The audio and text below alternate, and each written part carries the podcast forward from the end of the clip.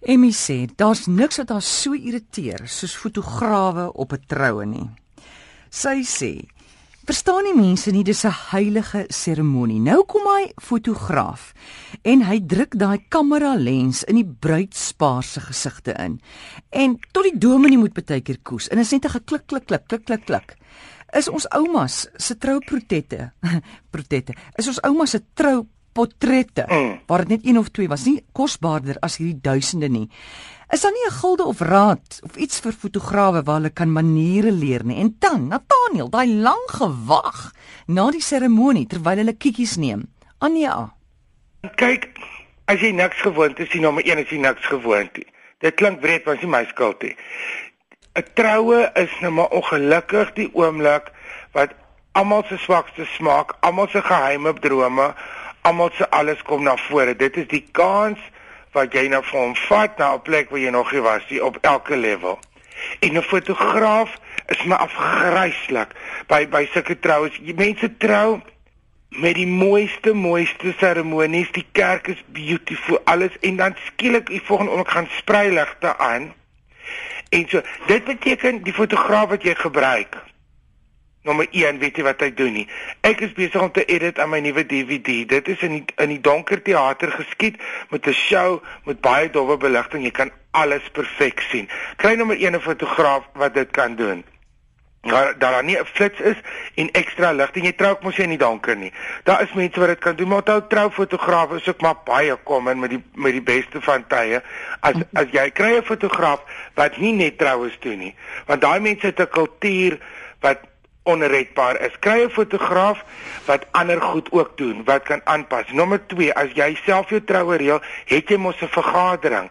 Jy sê, dis wat ek wil hê. Dit word nie toegelaat nie. Jy kan nie so naby aan my staan nie. Dit is so, ek trou, ek weet ook lyk like, ek wil my hele rok in die kerk sien. Jy hoef nie my neusgat te kom afneem nie. Jy meng nie in nie. Jy staan nie in die pad nie. Jy trek formeel aan in 'n swart pak. Mm. Baie van hulle lyk like, so direk met nog hulle 'n T-shirt en hulle company logo agterop en parkeer hulle busie direk voor die kerk. So onthou, jy is 'n kliënt as jy 'n trouer ja. Ek verstaan gewoonlik ek het nog nooit 'n fotograaf geblameer nie. 'n Fotograaf doen wat die mense vir hom vertel om te doen. Mm. As jy sê wanneer my man die ring gee, wil ek graag 'n close-up van sy snor hê en dan van hoe hy sukkel om die ring oor my nakkel te kry, dan gaan daai fotograaf in beweeg. Hy doen wat jy vir hom sê of as jy nou 'n bietjie budget by 'n trou het, wat die die event wat die organiseerder, hulle is in beheer. Jy sê dan Jy sorg dat daai fotograaf nie sigbaar is by die diens nie. Dis anders by die onthaal. En en hierdie gepous onder 'n boom hmm. en langs 'n rivier en op 'n antieke motor en op 'n goed. Van die mooiste troufoto's wat ek gesien het is almal spontaan. Dit word geneem by die onthaal tussen gaste, tussen hmm. dit. Onthou die kans dat hy huwelik gaan hou is 40% nommer 1. Nommer 2 kyk jy vir 3 maande na daai album en dan s'hy klaar. Jy hoef nie alles nie en voor die tyd neem jy die tafels af. Gaan neem die bruid voor die tyd af met die rok en die detail en so en doen dan op die gras 15 minute met die familie en kry dit oor. Hierdie dat jy 'n troue doen en dan vertrek jy met 'n koets na 'n naburige plaas toe. Daar vang julle dan 'n verdoofde kameel en begin pause. Ek verstaan dit nie, maar ek verstaan ook dit vir baie mense die enigste geleentheid in hulle lewe. Dit word totaal oordoen en foto en baie mense het nie 'n idee wat hulle wil doen nie en luister dan vir die fotograaf wat net gaan doen wat hy by die vorige troue gedoen het. Dit gaan hierso. Onthou jy het eendag gepraat oor mense wat by 'n troue opset is want hulle kan nie hulle klankapparaat neersit nie. Mm. Dit gaan oor beplanning. Jy praat mos met die mense. Dis vir my verskriklik gelukkig omdat mense vir my bang is en omdat hulle bang is ek praat oor die radio oor hulle troue, word ek nooit meer genooi nie. Is jy nie bly nie? Ek word nou niks meer genooi. Die mense as jy dit op RSG gaan vertel, ek gaan jy dit in die sarie skryf. Ek is die eensaamste mense in die heel as gevolg van hierdie.